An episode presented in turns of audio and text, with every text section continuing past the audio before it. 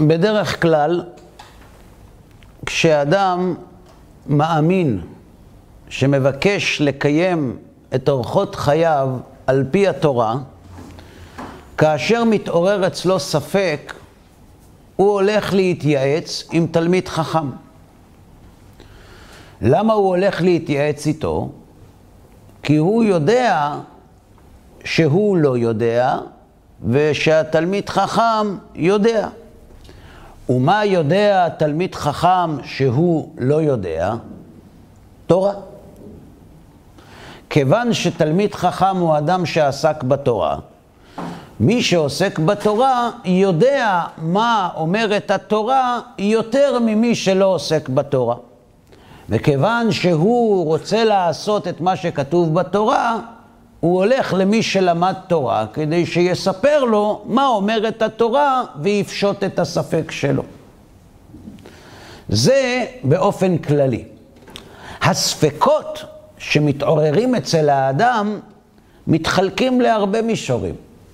לספק בהלכה, לספק בהשקפת עולם, לספק בעניינים כלכליים ולהרבה מאוד ספקות אחרים.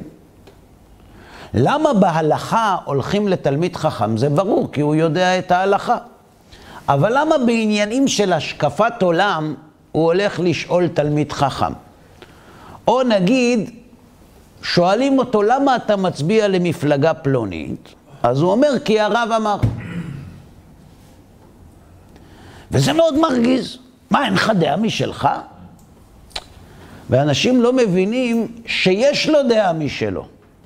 ושהדעה שלו חככה בדעתה, והגיעה למסקנה שדעתו של דעתה רוצה לעשות את מה שהתורה אומרת. וזו דעתו. אני רוצה לעשות את מה שהתורה אומרת. כיוון שאני רוצה לעשות את מה שהתורה אומרת, אני רוצה לדעת מה היא אומרת. ולכן אני הולך לתלמיד חכם, שהוא דעתו היא דעת תורה. אלא שכאן יש שאלה, בענייני הלכה אנחנו מבינים, הוא יודע מה כתוב. אבל מי אמר שמה שהרב חושב זה מה שכתוב בתורה? מהי דעת תורה? שאותה מחפש מי שרוצה לדעת מהי דעת התורה. תשובה. כדי שלאדם תהיה דעת תורה, הוא זקוק לשני מרכיבים, שאם יחסר אחד מהם, לא תהיה לו דעת תורה. המרכיב הראשון זו הדעת. מי שאין בו דעת, גם אם יש בו תורה, אי אפשר שתהיה לו דעת תורה. מצד שני, זה לא מספיק שתהיה לאדם דעת, צריך שגם תהיה בו תורה. כי כדי שתהיה דעת תורה, צריך גם דעת וגם תורה. עד כאן לא אמרנו כלום. השאלה היא, האם כל אדם שיש לו בכיס אחד דעת ובכיס אחד תורה, יש לו דעת תורה? התשובה היא לא. כי ראינו אנשים חכמים שיש להם דעת וגם יודעים תורה, ואין להם דעת תורה. תשובה, דעת תורה זה כשיש חיבור בין הדעת לתורה, שהם בכיס אחד. דהיינו שהאדם מעצב את דעתו על פי התורה. כלומר, הוא חובש משקפיים ודרכם הוא רואה את המציאות.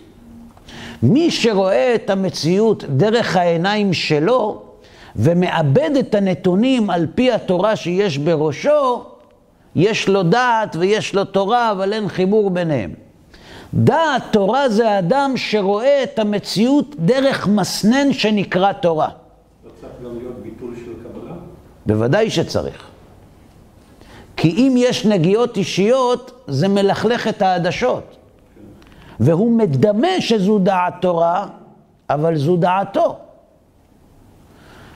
דעת תורה זה אדם שרואה את המציאות לא על פי החושים, לא על פי הנגיעות האישיות שלו, אלא על פי התורה. הוא שם את התורה ודרכה הוא מסתכל על המציאות. זו דעת תורה. ואם אדם רוצה לעשות את רצון השם, לא מספיק שהוא ידע מה דעת התורה בענייני הלכה. באותה עוצמה ובאותה רצינות, הוא צריך לדעת מה דעת התורה בענייני העולם. איך להנהיג את מחשבתו, איך להפוך את מחשבתו למחשבה דומה למחשבת התורה.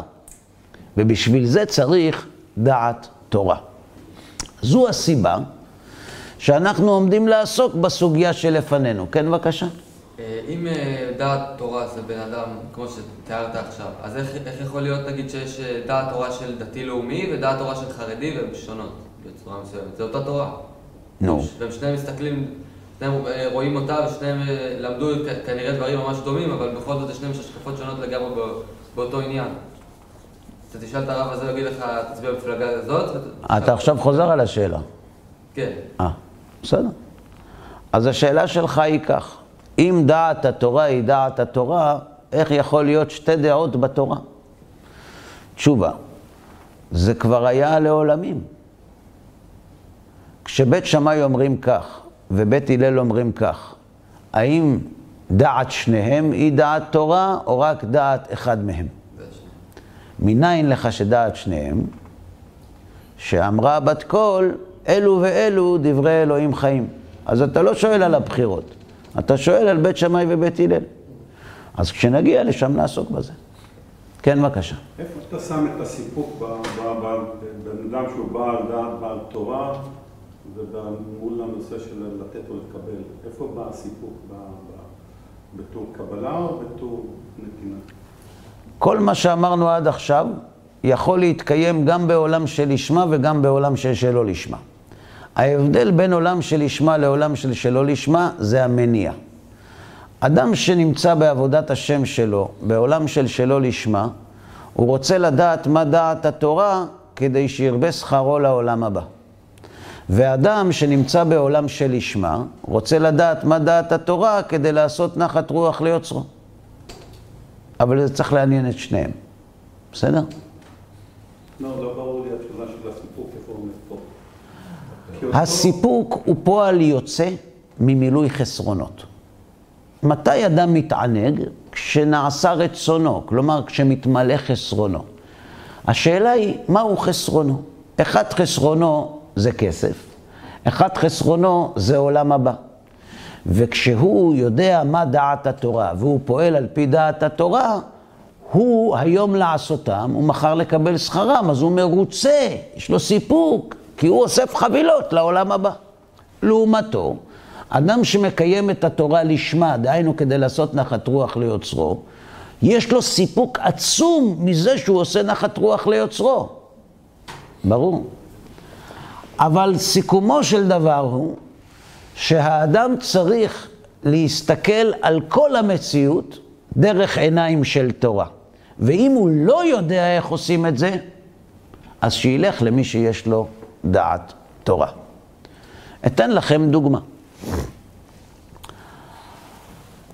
הייתה תקופה שבה עסקו בארץ בניסיון לשכנע הורים לילדים להעביר אותם מבתי ספר ממלכתיים לבתי ספר דתיים. כי אם אין גדיים, אין תיישים. והמצב אחרי קום המדינה בארץ, זה שלרוב הגדיים לא הייתה כיפה. לכן, כשהם יהיו תיישים, אולי יהיה להם זקן, אבל כיפה לא תהיה להם. וכיוון שצריך לדאוג לעתידו של העם היהודי מבחינה רוחנית, השתדלו מאוד לא מעט אנשים לנסות לשכנע ההורים להעביר את הילדים שלהם לבתי ספר דתיים. אלא שבמקום אחד לא הייתה אפשרות כזאת. היה או בית ספר ממלכתי, או בית ספר ככה ככה כזה דתי לפי שעות. ולא ידעו מה לעשות, האם להעביר לשם או לא. אמרו, נלך נשאל את הרב מבריסק. אלא שהרב מבריסק היה ידוע כמתנגד חריף מאוד לבתי ספר דתיים לפי שעות. מאוד התנגד. אבל אמרו, נלך לשאול אותו. השאלה מי ילך? בהתחלה רצו לשלוח אחד מגדולי בעלי המוסר עליו השלום, ובסוף החליטו שהרב שך, זכר צדיק וקדוש לברכה, הוא ילך לשאול. כי הוא גם תלמיד וחביב אצלו מאוד אצל הרב מבריסק, והוא, והוא ילך. ובאמת הוא הלך ושאל אותו. איך שהוא שאל את השאלה, הרב מבריסק התחיל לשפוך אש וגופרית על האנשים האלה שהם ככה וככה וככה וככה וככה. עכשיו הוא שאל אותו אם לרשום או לא. והוא עוד פעם שופך אש וגופרית, והם כאלה והם כאלה. אומר, כן הרב, אבל מה נעשה? אומר, הם כאלה והם כאלה. טוב, יצא. אמרו לו, מה הרב אמר? אומר, הרב אמר לרשום.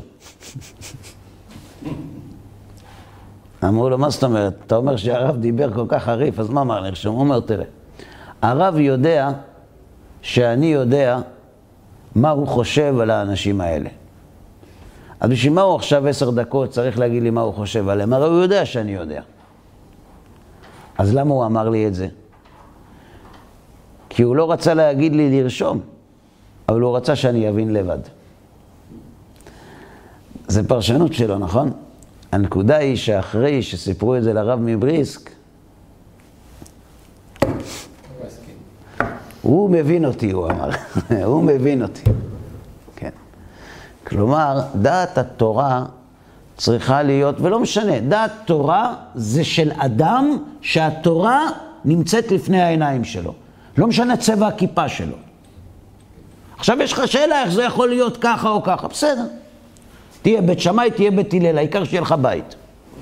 בכל אופן, זה מה שמביא אותנו לעיסוק בסוגיה הזאת. על איזה סוגיה אני מדבר? אני מדבר על האסטרולוגיה. אנחנו יודעים שיש לא מעט אנשים שהם לא זזים, בלי איזה ניתוח של מפה אסטרולוגית, ובלי שהם מתייעצים עם גדולי הדור של האסטרולוגיה. כי הם מאמינים שהכוכבים, יש להם מה לומר בקשר למה שקורה איתנו. לכן יש זמנים שלא כדאי לעשות ככה, ויש זמנים שכדאי לעשות ככה, ויש זמנים שמומלץ לבעלי מזל זה להתמודד עם א', ב' וג'. מה זה הסיפור הזה? עכשיו, זו לא שאלה פילוסופית, זו שאלה עם השלכות מאוד מעשיות. על היום-יום שלנו, על קבלת ההחלטות שלנו. האם לקחת בחשבון את המידע הזה או לא? כי החשבון, אם לוקחים אותו, זה יכול לשנות את המסקנה. איך אדם שומר תורה ומצוות צריך להתייחס לסוגיית האסטרולוגיה? האם יש בה אמת, האם אין בה? מה זאת אומרת? יש מלא אנשים דתיים אפילו שכתבו על אסטרולוגיה והביאו ראיות, כאילו איזה מין ספק יש פה? ודאי שיש בזה משהו. יכול להיות, או אולי לא. אולי זה עבודה זרה. לא יכול להיות, בסדר, אבל צריך לברר. לא מה דעתך, מה דעת התורה. ואיך אני יודע שצריך לברר? כי חכמי מרסיליה, שהיו גדולים מאוד בתורה, שאלו את הרמב"ם בנושא הזה. אז אם הם שאלו ולנו זה ברור, אז אחד מהשניים. או שאנחנו יותר חכמים מהם,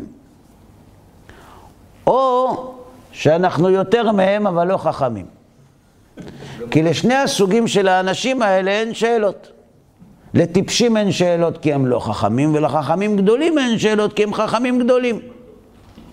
ואם חכמי מרסיליה שאלו את הרמב"ם, אז או שאנחנו יותר חכמים מהם ולכן ברור לנו שאין פה צורך לשאלה, או שלא. כן, בבקשה. טוב, נמשיך.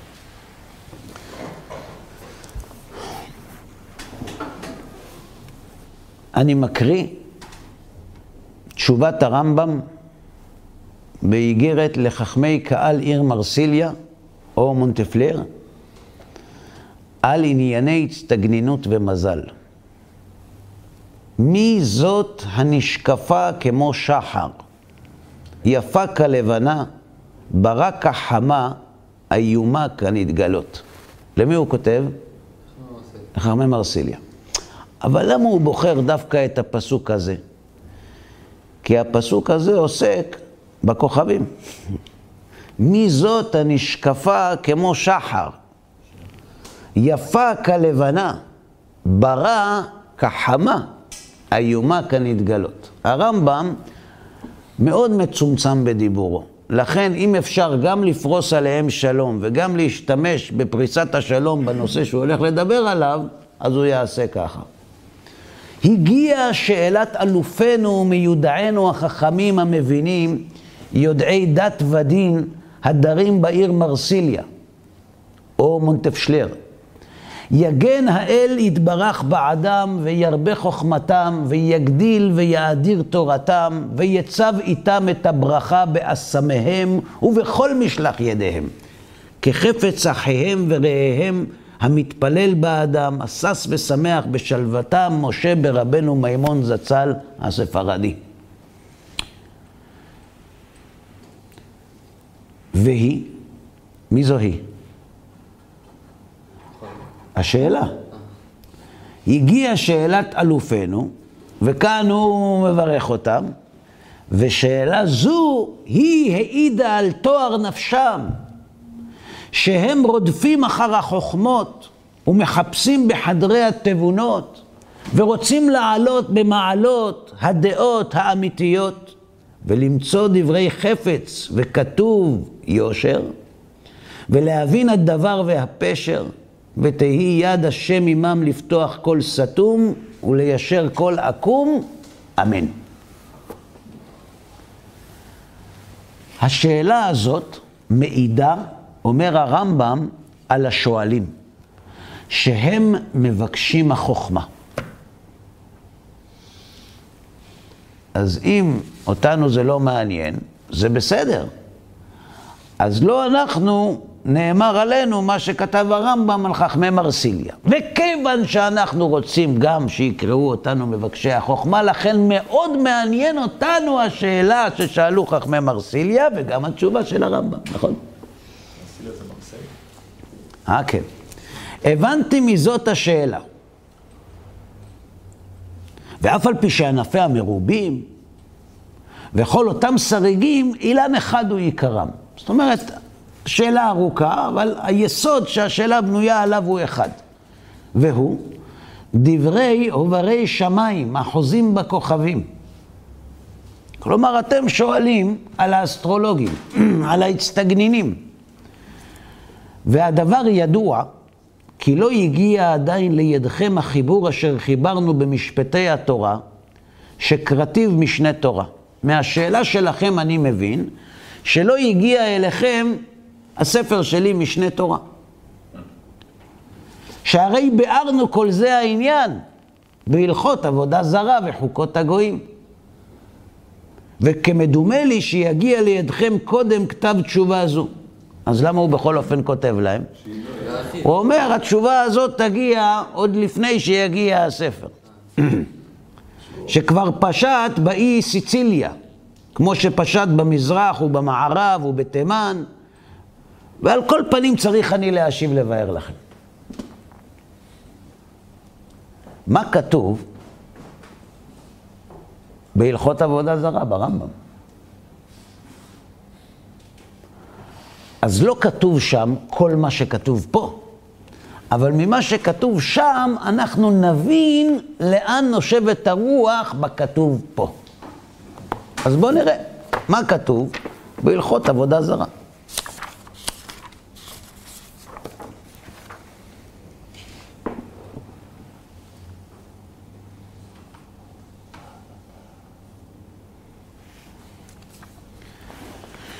מאיפה נולדה עבודת האלילים?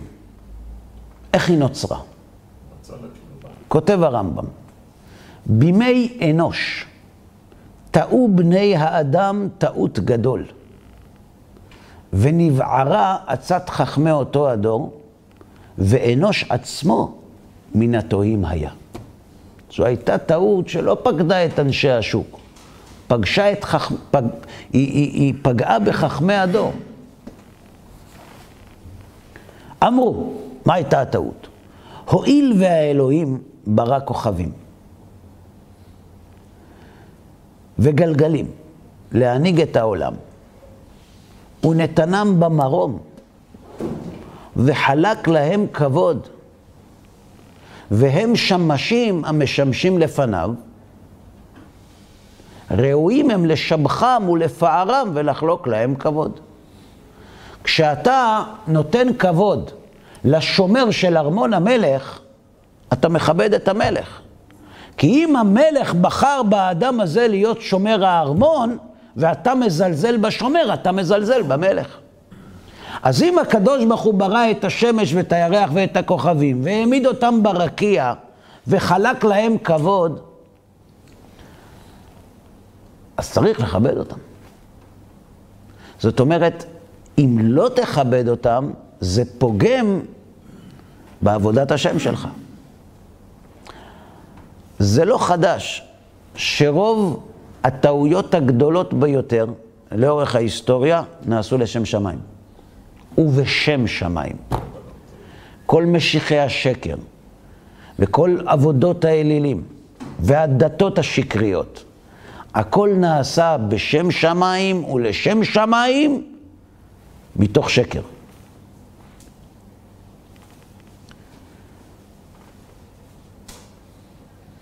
וזה רצון האל ברוך הוא לגדל ולכבד מי שגידלו וכיבדו. כמו שהמלך רוצה לכבד העומדים לפניו, וזהו כבודו של מלך.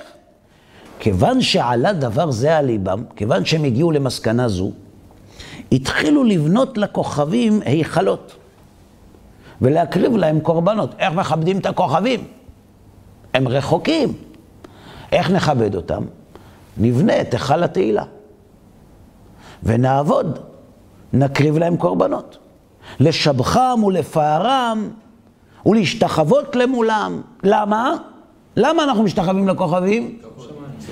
כדי להשיג רצון הבורא בדעתם, כדי להשיג רצון הבורא בדעתם הרעה. כמו מתווכים. לא מתווכים, עוד לא מתווכים. כלומר, אנחנו נכבד את הכוכבים כדי להגיע לקדוש ברוך הוא. כי הקדוש ברוך הוא רצה שנכבד את הכוכבים. אז אם אנחנו נכבד את הכוכבים, איזה רצון אנחנו מקיימים? ואם אנחנו מקיימים את רצון השם, אנחנו מתקרבים אליו. לשם שמיים. לשם שמיים הכל. נו, וזה היה עיקר עבודת כוכבים. מה זה עיקר? המקור, השורש. וכך היו אומרים עובדיה יודעים עיקרה. לא שהם אומרים שאין שם אלוה חס ושלום. לא כפרו במציאות השם. אלא כוכב זה. הם לא אמרו שהכוכב הוא האלוה. הם לא היו עד כדי כך טיפשים.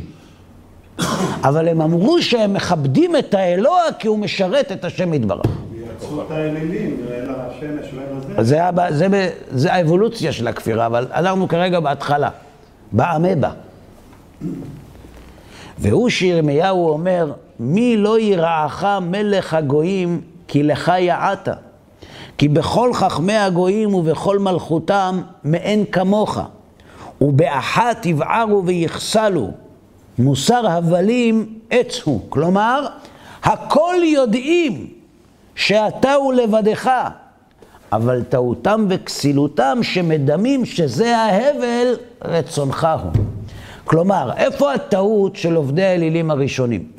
של הגרסה הראשונה, של הבטא. איפה? ההבנה את החומר הבסיסי שהכוכבים... הטעות שלהם הייתה שהם חשבו שהשם רוצה שיכבדו את הכוכבים. כלומר, האם מציאות השם הייתה קיימת בתודעה שלהם? כן. אז הם לא עבדו לאל אחר. הם הקריבו קורבנות לכוכב מכוח האין סוף ברוך הוא. עד כאן זה ברור? יפה. ואחר שערכו הימים. ככה זה עם כל מנגנון בירוקרטי. שעורכים הימים, יש תקנים נוספים. ואז צריך תקנים כדי לפרנס את התקנים הנוספים. ואז כדי לבצע הבראה צריך תקנים נוספים של ועדה שתדון בקיצוצים. ואחר שערכו הימים, עמדו בבני האדם נביאי שקר. הופה. אנשים היו צריכים ג'ובים. ואמרו, מה שהראשונים הקריבו קורבנות לכוכבים זה לא מסברה, זה ציווי השם.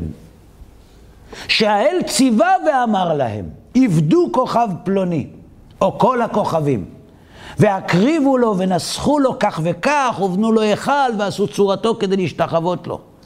כל העם, הנשים והקטנים ושאר עמי הארץ. זאת אומרת, מה ההבדל בין הדור הראשון לדור השני? הם עשו אותו דבר. הדור השני אמר, כך ראוי, והדור הראשון, והדור השני אמר, כך חייבים. למה? כי השם ציווה. זאת אומרת, ההבדל הוא לא משמעותי.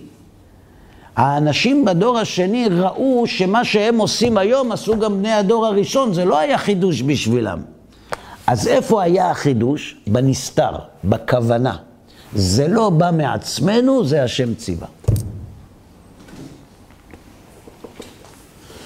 והתחילו על דרך זו לעשות צורות בהיכלות ותחת האילנות ובראשי הערים ועל הגבעות ומתקבצים ומשתחווים להם ואומרים לכל העם שזו הצורה מיטיבה ומרעה וראוי לעובדה וליראה ממנה. כיוון שכולם עבדו.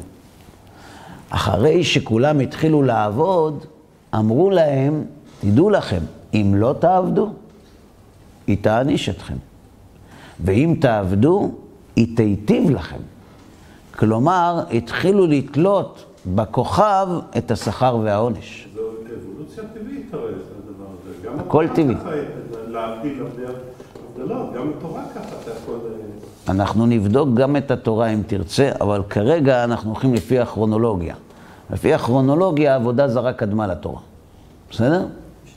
כן, בבקשה. אה, אמרת שנביאי שקר בדור השני בעצם אמרו את זה. אז הם לא אמרו את זה לשם שמיים, אם, הם היו בעצם נביאי שקר. הם ידעו שהם לא, לא בעלי נבואה. כן, אז היה להם אינטרסים. נו, זה כל העניין. אני לא יודע. לא, זה לא הכל לשם שמיים. אבל- הדור השני כבר לא. כבר לא? לא. וכהניהם אומרים להם שבעבודה זאת תרבו ותצליחו, ועשו כך וכך, ואל תעשו כך וכך. והתחילו כוזבים אחרים לעמוד. זאת אומרת, בשלב השני אמרו שהשם ציווה לעבוד את הכוכבים, ומזה נולד שצריך לעבוד את הכוכבים ככה, ואם לא תעבדו ככה, יקרה ככה. ואז הגיע הדור השלישי, והתחילו כוזבים אחרים לעמוד ולומר שהכוכב עצמו, או הגלגל, או המלאך, דיבר עמהם. למה? כי אם לכוכב יש כוח לתת שכר ויש עונש, אז הוא מישהו. אז בשביל מה להגיד שהשם אמר לנו לעבוד את הכוכב? הוא דיבר איתנו בעצמו, הכוכב. ואם תשאל איך הכוכב מדבר, אשיב לך מנה אפיים.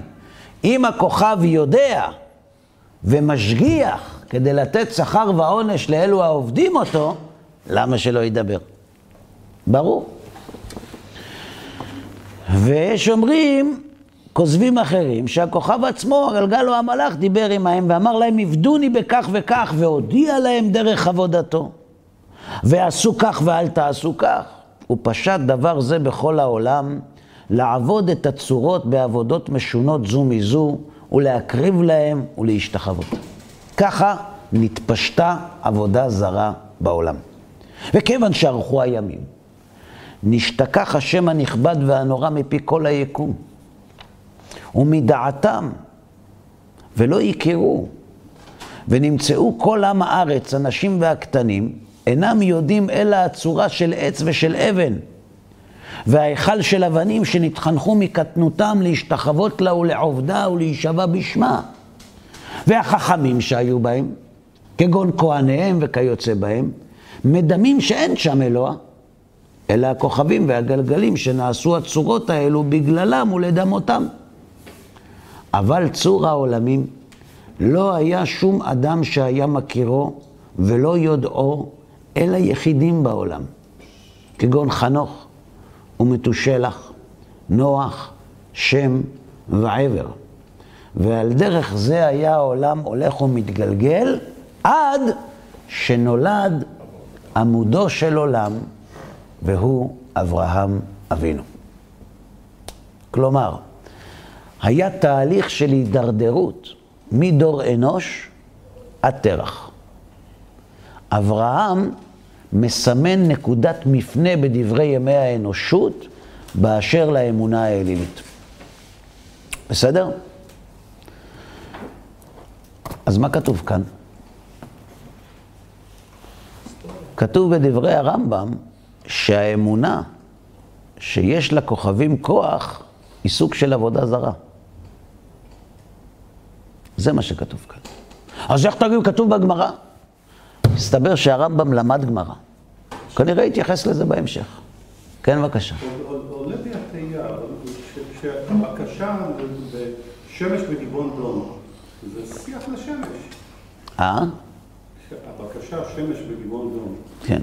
זה שיח לשמש, זה לתת כוח לשמש, לעמוד. זה לא אלוהים, תעשה שיקרה משהו. אתה שואל איך זה מסתדר עם האמירה שמש בגבעון דום. למה אתה מגיע לספר יהושע? למה לא תלך למקרא? למשל, כאשר משה נוטה את ידו על הים. הוא אומר לים שהשם אמר לו להיבקע או שהוא גוזר עליו להיבקע? כמה זכור, הוא גוזר עליו. גוזר עליו כמו עם הסלע. בלי השם יתברך. כמו. השם אמר לו שזה מה ש... אבל הים לא יודע. הים לא היה כשמשה דיבר עם השם. הוא לא אומר לו בשם השם. הוא אומר לו תיבקע. השאלה למה? למה? אפשר לקבל אורח חיים על התורה אם יש פה. Hmm? לא נראה לך שיש אורח חיים. איך יש, איך יש להתייחס ל... אין מקראות גדולות? שהם אז- אה, אז מתעסקים באסטרולוגיה.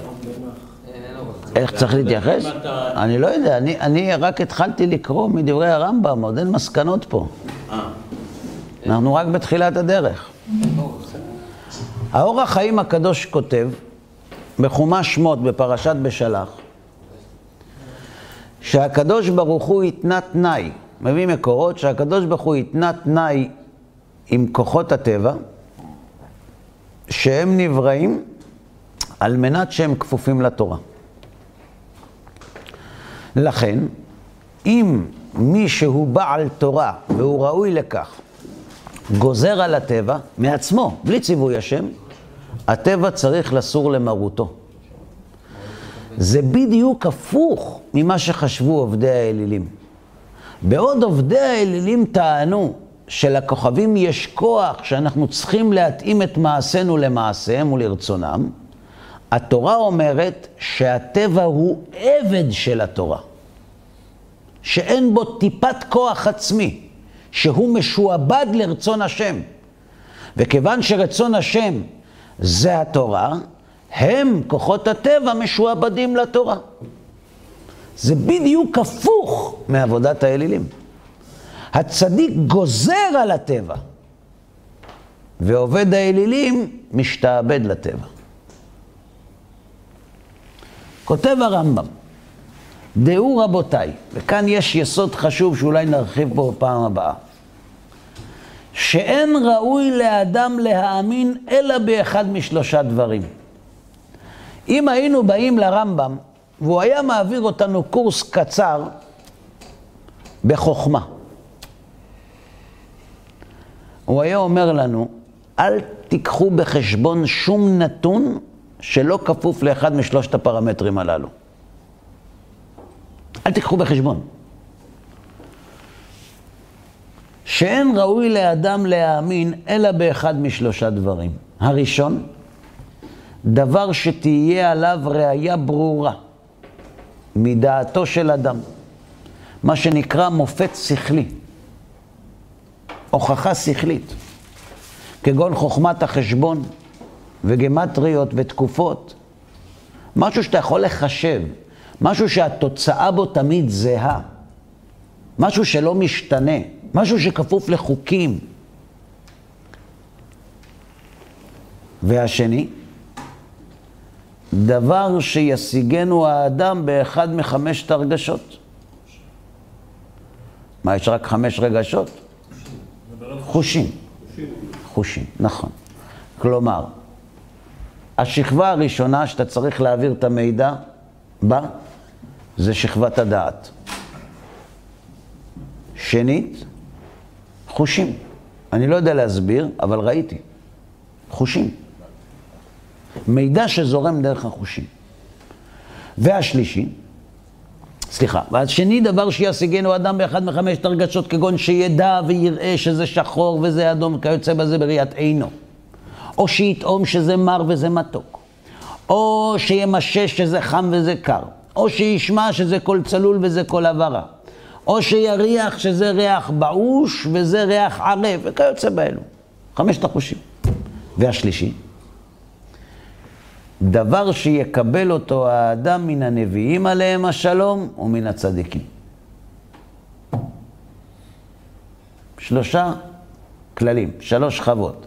השכל, החושים והנבואה. למה נבואה? למה נבואה? מקל וחומר.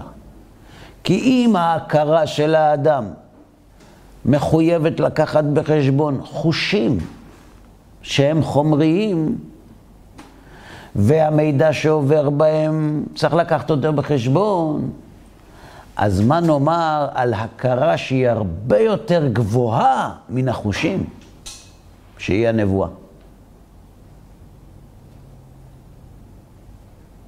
ואם תאמרו לי, אבל החושים, אצל כולם זה אותו דבר. אצל הנביאים זה רק הוא. תשובה, זה לא רק הוא. זה לא רק הוא. כל הנביאים מקבלים את הנבואה. איך אנחנו יודעים שכשהנביא מדבר עם ירמיהו, כל הנביאים בדורו מקבלים את הנבואה? אה? איך אנחנו יודעים? מה הראייה? אתם הבנתם את השאלה שלי? הבנתם את השאלה שלי? אה? אבל הוא, בא נביא, אומר, השם דיבר איתי. אומרים לו, הוא לא דיבר איתך. מאיפה הם יודעים? הם היו שם?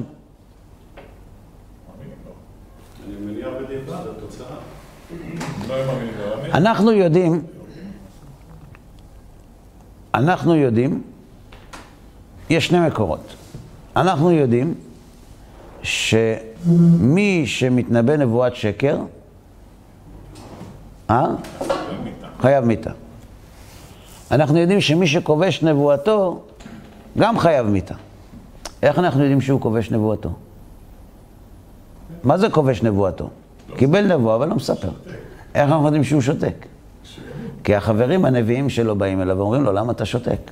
אתה קיבלת נבואה, לך תגיד אותה. מקור שני, נביא שקר זה מי שנתנבא מה שלא נאמר לו. אם זה לא נאמר לו, איך הוא יודע את הנבואה? תשובה, הוא יודע את הנבואה, אבל היא לא נאמרה לו. מי שנאמרת לו הנבואה, הוא צריך לומר אותה. למה אנשים נכשלו בנביאי שקר? אבל הוא שקרן. הם לא שיקרו. הם אמרו דברים נכונים, אבל הם לא נצטוו. ואחרי שקיבלו אותם, שהם אמרו על דברים של מישהו אחר, וראו שיש להם כוח, אז הם כבר אמרו דברים מעצמם.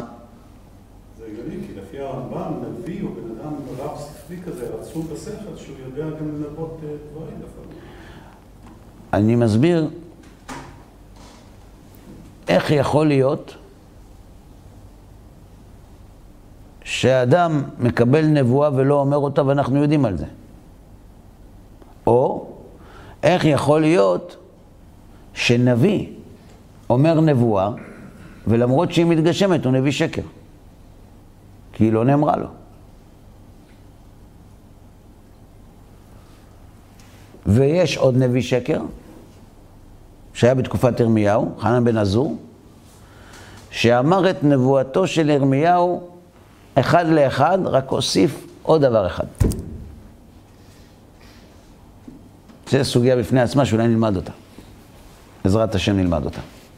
בכל מקרה, אומר הרמב"ם, כיוון שהנבואה היא לא סובייקטיבית, אלא היא אובייקטיבית לכל מי שנמצא במדרגת נבואה, אז נבואה לא רק שהיא לא פחות מחושים, היא יותר מהם.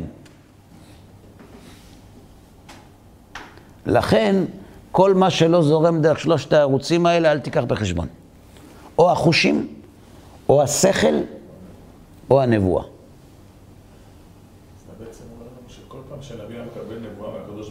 אז היה מכותבים, כל שאר הנביאים היו מכותבים במידע הזה, אבל נכון. אסור להם לדבר. נכון. כי אם גילה את סודו לעבדיו הנביאים, לא כתוב לעבדו הנביא. בסדר? אבל מה יקרה עם אלו שיש להם ערוץ נוסף?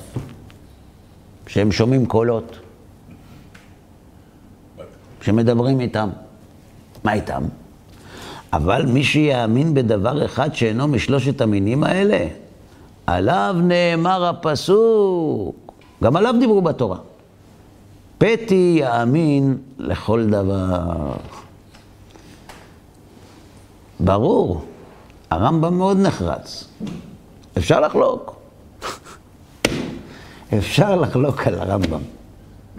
אבל כשחולקים על הרמב"ם, זה נקרא לחלוק על הרמב"ם. לא, זה לא מסוכן. זה בכלל לא מסוכן. כי אנחנו כל כך כלום, שזה ממש לא מסוכן. אם היינו חשובים וחולקים על הרמב"ם, איך חשובים קצת יכולים לחשוב, לחלוק על מישהו שהוא חשוב יותר. אבל מי שכולם יודעים שהוא כלום, אז זה לא, זה כמו שילד אומר לאבא לא נכון. מה לא נכון? מה לא נכון? לא נכון.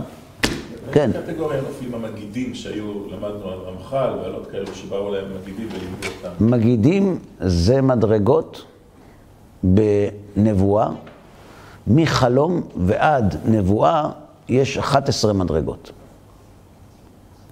אבל אנחנו לא מקבלים בערוצים האלה הלכות, גם אם הן ניתנות. יש ספר שנקרא שו"ת מן השמיים, לרבי יעקב ממרביש, ששם הוא היה עושה שאלות חלום. יש דרך לעשות שאלת חלום, לשאול מן השמיים שאלה, ונותנים תשובה בחלום. אגב, יש מגדולי ישראל שחידשו חידושים בחלום, חידושים בתורה.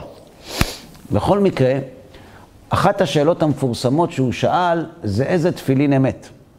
רש"י או רבנו תם? זה אחת השאלות שמופיעות שם בשו"ת מן השמיים. כל הערוצים האלה לא מקבלים הלכה על פיהם. לא בשמיים היא. ולא רק ממגידים, גם לא מנביאים. אם יבוא נביא, יהושע בן נון, ויגיד כך הלכה, נגיד לו, איך אתה מוכיח שככה הלכה? אז אם הוא יגיד בקל וחומר, או בבנייניו, או באחד משלוש עשרה מידות, בסדר, תלמיד חכם. אבל אם הוא יגיד ככה השם אמר לי, אסור למכור בשבת. נגמר הסיפור, נגמר הסיפור. עכשיו אתה שואל, אם ככה, אז איך האיסור למקח וממכר בשבת, מקורו בנביא?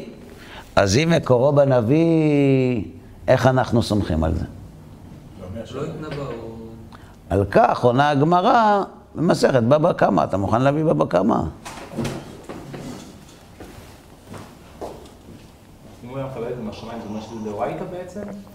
מה פתאום?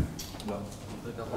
שאין נביא רשאי לחדש, אלה הדברים שאין נביא רשאי לחדש דבר מעתה. נגמר הסיפור. ערוץ הנבואה לא קשור להלכה. קשור למוסר, קשור לדרך ארץ, קשור לעבודת השם, לא קשור להלכה. אומרת הגמרא במסכת בבא קמא, ארבעה אבות נזיקין, השור, הבור, המבעה וההבער. נכון? אומרת הגמרא, תנו רבנן, כתוב בברייתא, ג' אבות נאמרו בשור. השור, הבור, המבעה והעבר, ארבע אבות מלאכות, נכון? בשור, שהוא אב אחד מתוך הארבעה, יש בו ג' אבות. סליחה, בשור יש שלושת ה... שלוש מתוך ארבע אבות הם בשור. יש ארבע אבות נזיקים, נכון? שלוש, שלושה מתוכם זה בשור. הקרן, השן והרגל. בסדר?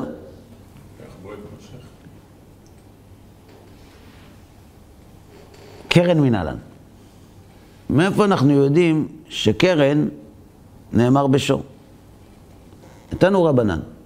כי ייגח. כתוב בפסוק, כי ייגח. בסדר, כי ייגח. אבל מי אמר שזה קרן? אולי בזנב. נגח עם הזנב, מה? למה? זה הצלפה, זה לא נגיחה. הצלפה. כשאדם נוגח את הכדור לרשת, יש לו קרניים? לא. אבל הוא נוגח.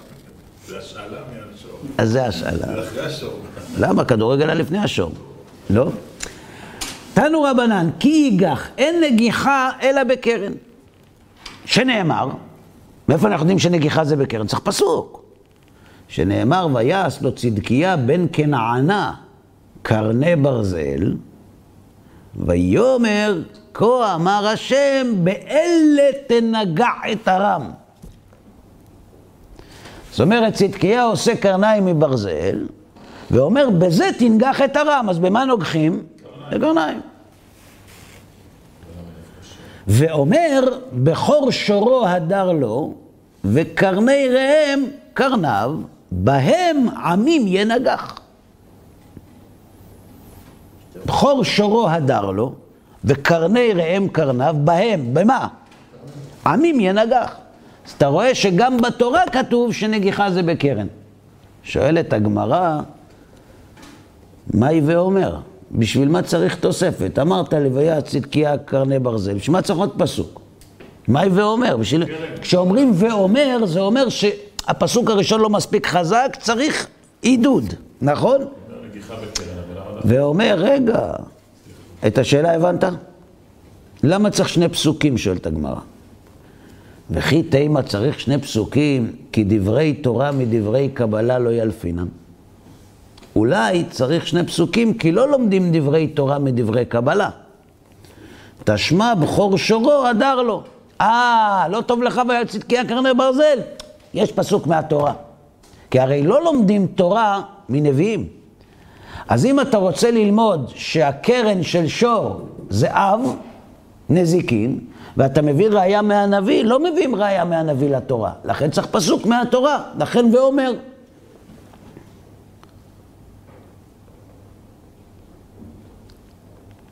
והי מילף, אז בשביל מה צריך את הנביא? גילוי מילתא בעלמא הוא, דנגיחה בקרן הוא.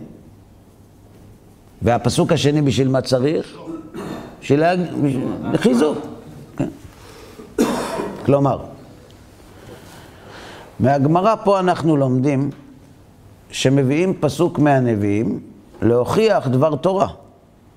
מה עונה על זה הגמרא? לא נכון. זה שאנחנו, נגיחה בקרן, אנחנו יודעים מהתורה. אנחנו לא צריכים את זה. אנחנו צריכים את זה כחיזוק. כלומר, מה שכתוב בנחמיה, שהקדוש ברוך הוא אמר לו שקניין ומכירה נעשים בשבת, זה דבר שהיה ידוע שהוא אסור. כי אם הוא לא היה ידוע שהוא אסור, היו אומרים לו, חורי יהודה, תעשה טובה, מספיק דברים אסור, מה גם זה אסור? הם לא שאלו אותו מי אמר, הם ידעו שזה אסור. ואחרי שהוא צעק עליהם ורב איתם, הם חזרו לדרכם. אם זה לא היה עובר במסורה שבעל פה שקניין ומכירה אסורים בשבת, הם לא היו עושים את זה. והראיה שכתוב בהמשך, וכתורה יעשה. כמו שהתורה אומרת, נעשה. איפה התורה אומרת? בעל פה. בסדר? יופי. חזרנו אל הבסיס שעליו מבסס הרמב"ם את התשובה. אם אתה הולך להביא לי נתונים שלא קשורים לשלושת הפרמטרים שהזכרתי, אני לא הכתובת שלך. מחפש לך אנשים אחרים. אני מוכן לדון עם כל אדם שהנתונים שהוא מקבל מגיעים משלושה מקורות בלבד. או קבלה, נבואה, או חושים, או שכל. ואם אתם נתקלים באדם שיש לו ערוץ נוסף, אז אם יש לכם שעות הפנאי ואין לכם מה לעשות, אתם יכולים לשבת איתו, אבל זה יכול להשפיע. זה מדבק. מי שיאמין בדבר אחד שאינו משלושת המינים האלה, עליו נאמר פתי יאמין לכל דבר. למה הרמב"ם מציג את ההקדמה הזאת? כי הוא רוצה לבחון את האסטרולוגיה על פי כל אחד משלושת הפרמטרים. השכל, החושים והקבלה. ניתן לכם רמז? בשביל מה? את זה נלמד בעזרת השם בשיעור הבא. עד כאן להיום. כן.